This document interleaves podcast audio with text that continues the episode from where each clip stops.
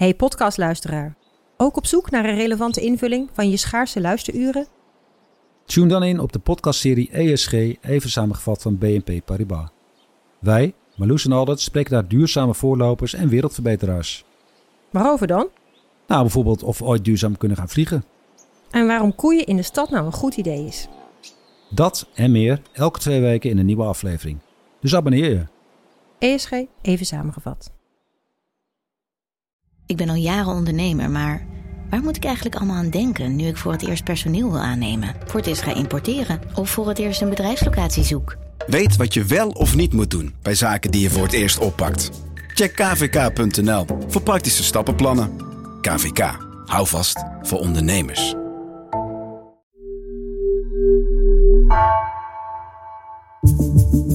Vanaf de redactie van NRC het verhaal van vandaag. Mijn naam is Egbert Kalsen.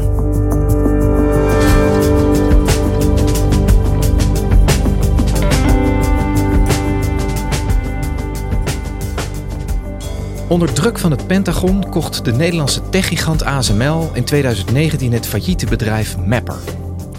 Redacteur Mark Heijink vertelt hoe dit kleine Delftse chipbedrijf verwikkeld raakte in een geopolitieke strijd tussen de VS en China.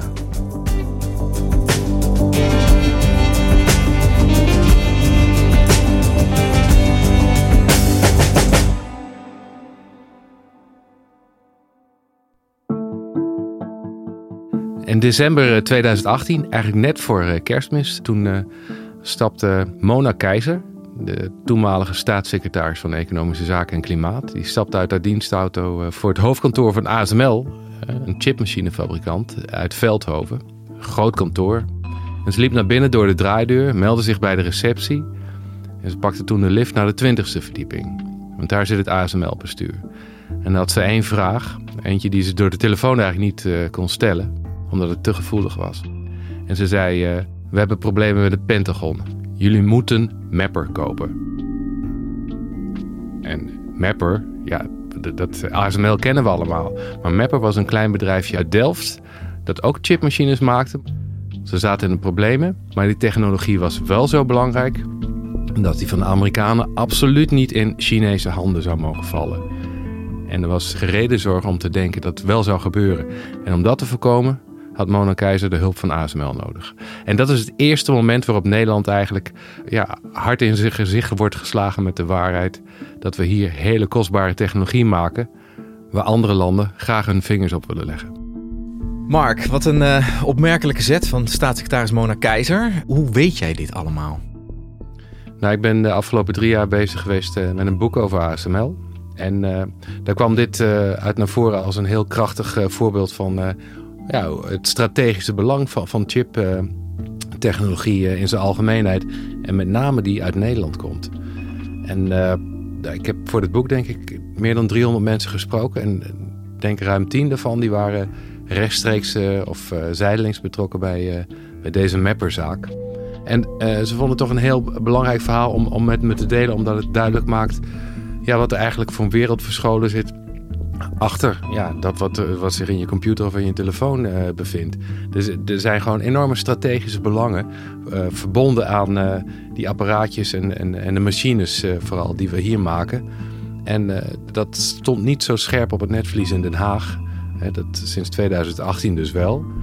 En daarvoor kunnen we leren. Mapper, zeg jij? Ik had er eerlijk gezegd nog nooit van gehoord. En toch bemoeit Den Haag zich met dit kleine bedrijfje uit Delft. Waarom is dat? Nou, dat heeft te maken met het uh, belang van, van chips in het algemeen. Dingen zitten in elk apparaat. We kunnen niet zonder. Het zijn eigenlijk de belangrijkste bouwstenen voor uh, onze moderne samenleving. Of het nou uh, de chips zijn die in je koptelefoon zitten of in je koffiezetapparaat. En je moet je voorstellen dat die chips die bestaan eigenlijk allemaal uit kleine schakelingen. En uh, hoe kleiner die schakelingen, of eigenlijk de lijntjes waarmee die schakelingen gemaakt zijn, hoe meer er op uh, een chip passen, ja, hoe meer rekenkracht je ter beschikking hebt. Vroeger waren het er duizenden, tienduizenden, miljoenen transistors op één chip. Nu zitten er tientallen miljarden op. En het bekendste bedrijf dat we op dat gebied hebben, en het grootste bedrijf, is ASML uit Veldhoven. En daar hebben ze de markt mee veroverd, de wereld mee veroverd. Als je kijkt naar alle grote chipfabrieken wereldwijd, staat 90% ASML-apparatuur. Mapper had een alternatieve technologie. Die werkt wat trager. Dan kun je dus niet in hele grote getalen chips maken. Maar toch interessant voor kleinere doelgroepen. Of je zet er een hele hoop naast elkaar, kun je toch nog uh, massaal produceren. En dat was uh, de strategie van Mapper. Maar ja, die, die faalde, want ze kregen het technisch en financieel toch net niet voor elkaar. Wat ging er precies mis bij hun? Waarom hebben zij het niet gered? Nou, de reden dat Mapper het niet redt is eigenlijk dat de technologie heel ingewikkeld is. En ze hebben gedurende de jaren dat ze bestaan, al vanaf het eerste begin, telkens moeite om uh, financiers te vinden. Om weer ja, die nieuwe investeringen in hardware en nieuwe talenten.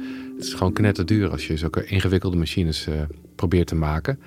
En 2016 overlijdt bovendien hun belangrijkste geldschieter. ASM-oprichter Arthur Del Prado is op 84-jarige leeftijd overleden. Del Prado was een grondlegger van de productie van computerchips. Hij richtte in 1964 ASM op, waaruit ASMI en ASML voortkwamen. Nou, Del Prado, dat is een, echt een pionier uit de Nederlandse chipindustrie. Hij, hij was ook degene die uh, hielp bij de oprichting van, van ASML notabene. En hij zag ook brood in Mapper in het jaar 2000. Maar in 2016, als hij is overleden, dan blijkt uit zijn erfenis dat hij zijn kapitaal wil laten aanwenden voor kankeronderzoek. Omdat zijn vrouw daarna overleden is. En het mag dus niet gebruikt worden om Mapper eh, in de toekomst nog te blijven financieren. En dat betekent dat Mapper weer acuut in hele zware financiële nood terechtkomt.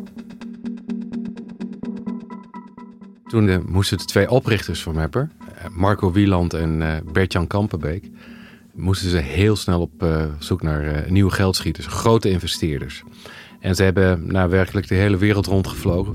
Ook Amerikaanse bedrijven aangeschreven toeleveranciers, andere partners uit de chipindustrie, maar nergens lukte het.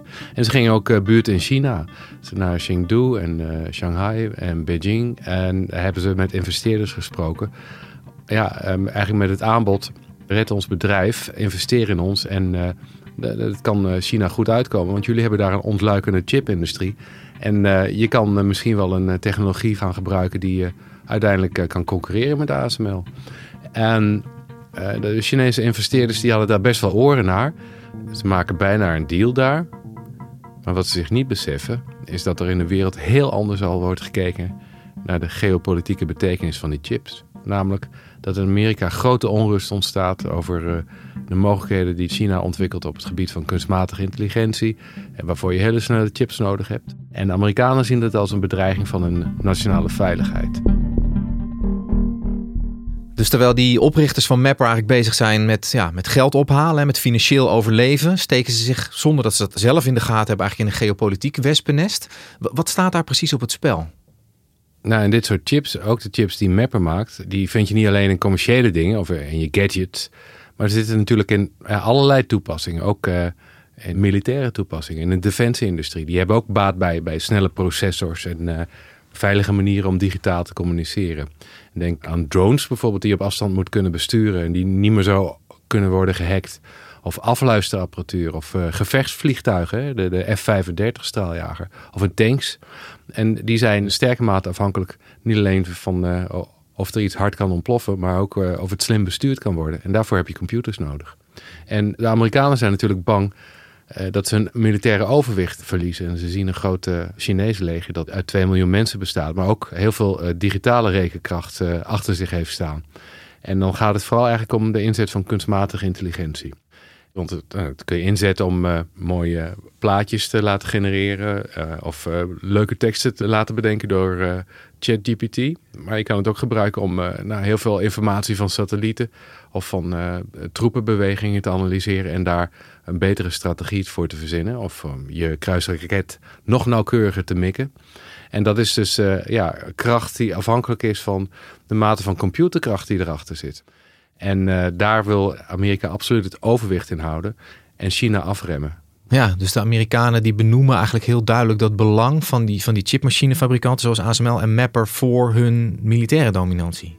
Ja, ze zien het echt als een inbreuk of een gevaar voor hun nationale veiligheid als China toegang krijgt tot te geavanceerde chiptechnologie. En er worden vaak twee argumenten genoemd. Het zijn er eigenlijk drie. Maar het eerste argument wat de Amerikanen vaak noemen is dat China een soort surveillance staat bouwt uh, om de mensenrechten te schenden van uh, allerlei minderheidsgroeperingen, zoals de Oeigoeren. Dan is er een heel belangrijk argument dat het Chinese leger niet te machtig mag worden. En het derde argument is eigenlijk dat China een hele grote economische macht is. Die misschien wel groter gaat worden dan de VS. Dat proberen de Amerikanen zo lang mogelijk uit te stellen. Mark, dit gebeurt allemaal op het moment dat Mapper in zwaar weer verkeert en dus op zoek is naar nieuwe geldschieters. Eh, ze zijn daarvoor in China, legde jij al uit. Hoe opereren die Amerikanen vervolgens? Als je het wil hebben, dan moet je ook in actie komen, lijkt mij. Ja, dus de Amerikanen willen graag dat ze dezelfde technologie in huis hebben om de allerslimste wapens te maken. En daarbij vinden ze het ook belangrijk dat ze die technologie op eigen bodem hebben staan.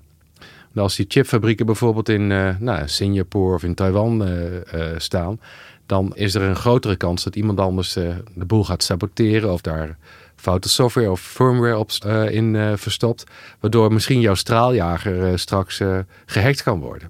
Nou, dat is even in één zin de reden dat de Amerikanen graag trusted foundries bouwen. Dat zijn fabrieken die ze zelf helemaal beheren, die op Amerikaanse bodem staan, waar alleen mensen met een vertrouwd Amerikaans paspoort werken. En daar zien ze een mogelijkheid voor Mapper. Want als ze nou die machines uit Delft neer zouden zetten op Amerikaanse bodem, dan kunnen ze in kleine oplagen, want zoveel uh, chips zijn er niet nodig voor militaire toepassingen, kunnen ze in kleine oplages chips gaan maken die behoorlijk geavanceerd zijn. En een ja, compleet gecontroleerde omgeving. Perfect voor de Amerikaanse defensieindustrie. Maar dan wordt het even ingewikkeld, want uh, behalve Arthur Del Prado dus als geldschieter, heeft Mapper nog een investeerder. En dat is een Russisch staatsbedrijf. En Amerikanen willen niet rechtstreeks zaken doen met de Russen. Dus wat ze doen in het Pentagon uh, is uh, bij hun uh, connecties in de wapenindustrie het balletje opgooien van...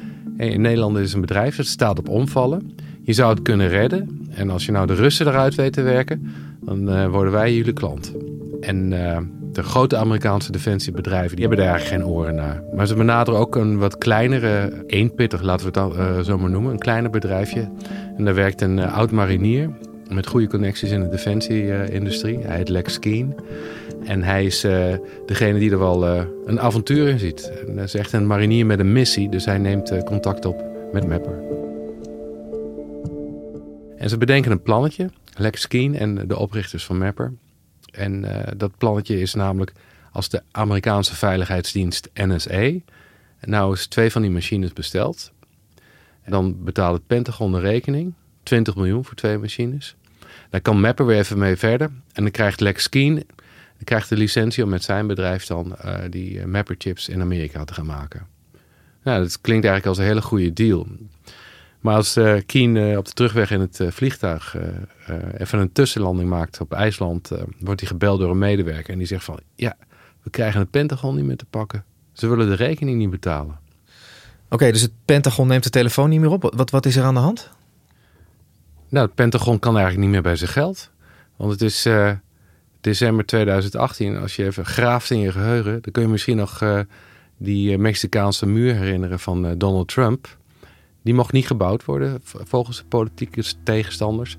En om dat af te dwingen, gooiden ze de Amerikaanse overheid op slot. We're going to have a shutdown. There's nothing we can do about that because we need the Democrats to give us their votes. Call it a Democrat shutdown, call it whatever you want. But we need their help to get this approved. Ja, die budget freeze, dat is de nekslag uh, voor Mapper. De salarissen zijn al drie maanden niet betaald en ze moeten ermee stoppen. Mapper, een Delfts bedrijf dat machines maakt die computerchips fabriceren, is failliet. Er werken ongeveer 270 mensen bij Mapper. Er was te weinig vraag naar de machines die het bedrijf maakte. Het is nog onduidelijk of Mapper een doorstart kan krijgen. Verschillende bedrijven hebben interesse volgens de curator. Ja, Mapper heeft het niet gehaald. Um, wat, wat gebeurt er dan met de boedel van dat bedrijf? Dat is dus het moment dat de Amerikanen gaan be beseffen van... ja, maar als wij het niet gaan overnemen...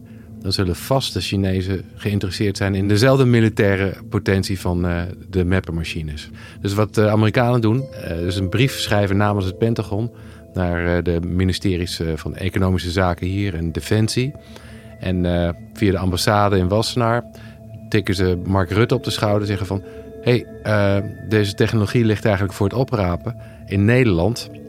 Uh, zorg ervoor dat het niet naar Rusland gaat. Zorg ervoor dat het zeker niet naar China gaat. En uh, dan komt dus Mona Keizer in actie en meldt zich bij ASML. Ja, Mark, ik zit echt gefascineerd naar je te luisteren. Hoe is het afgelopen met Mapper? Heeft ASML daadwerkelijk dat bedrijf kunnen kopen? Ja, ze hebben dus niet het bedrijf gekocht, maar, maar de patenten en, en uh, het talent, om maar even zo te zeggen. De honderd ingenieurs die daar werkten. Die zijn allemaal overgestapt uh, naar, uh, naar ASML. Wat, wat mij het meest opvalt in jouw verhaal is dat als het Pentagon niet had gebeld in december 2018, Nederland dit eigenlijk gewoon zijn gang had laten gaan en zich helemaal niet bewust leek op dat moment van, van, van de strategische waarde ook hè, van zo'n bedrijf als Mapper.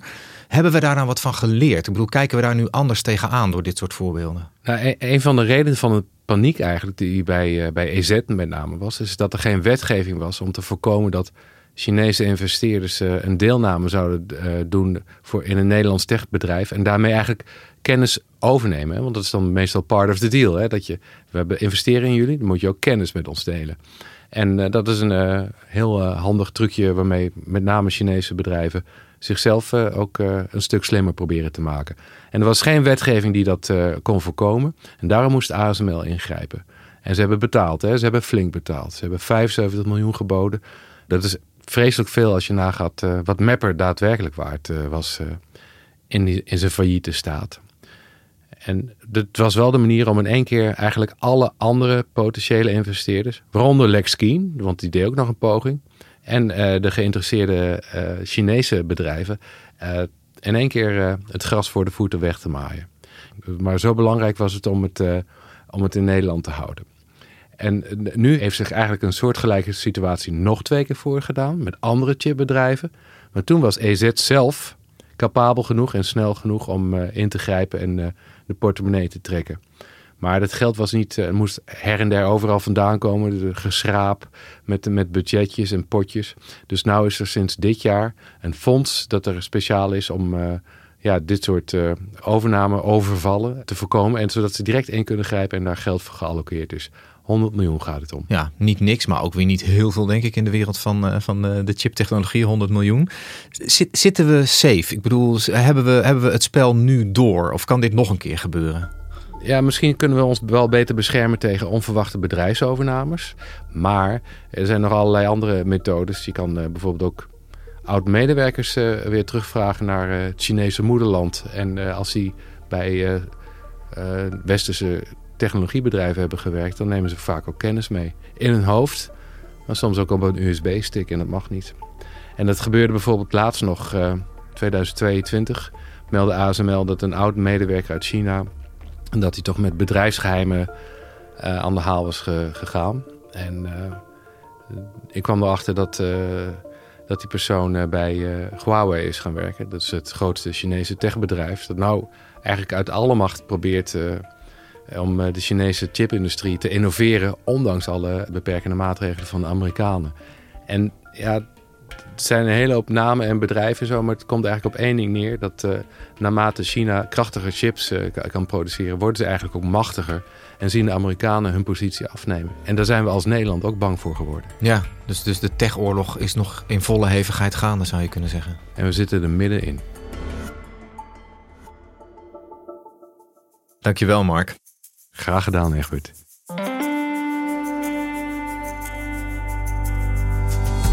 Je luisterde naar vandaag, een podcast van NRC. Eén verhaal, elke dag. Deze aflevering werd gemaakt door Ruben Pest en Bas van Win. Coördinatie Henk Ruigrok van der Werven. Dit was vandaag, morgen weer.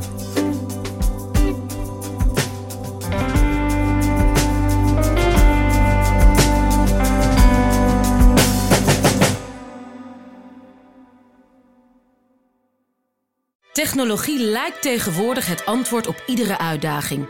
Bij PwC zien we dit anders.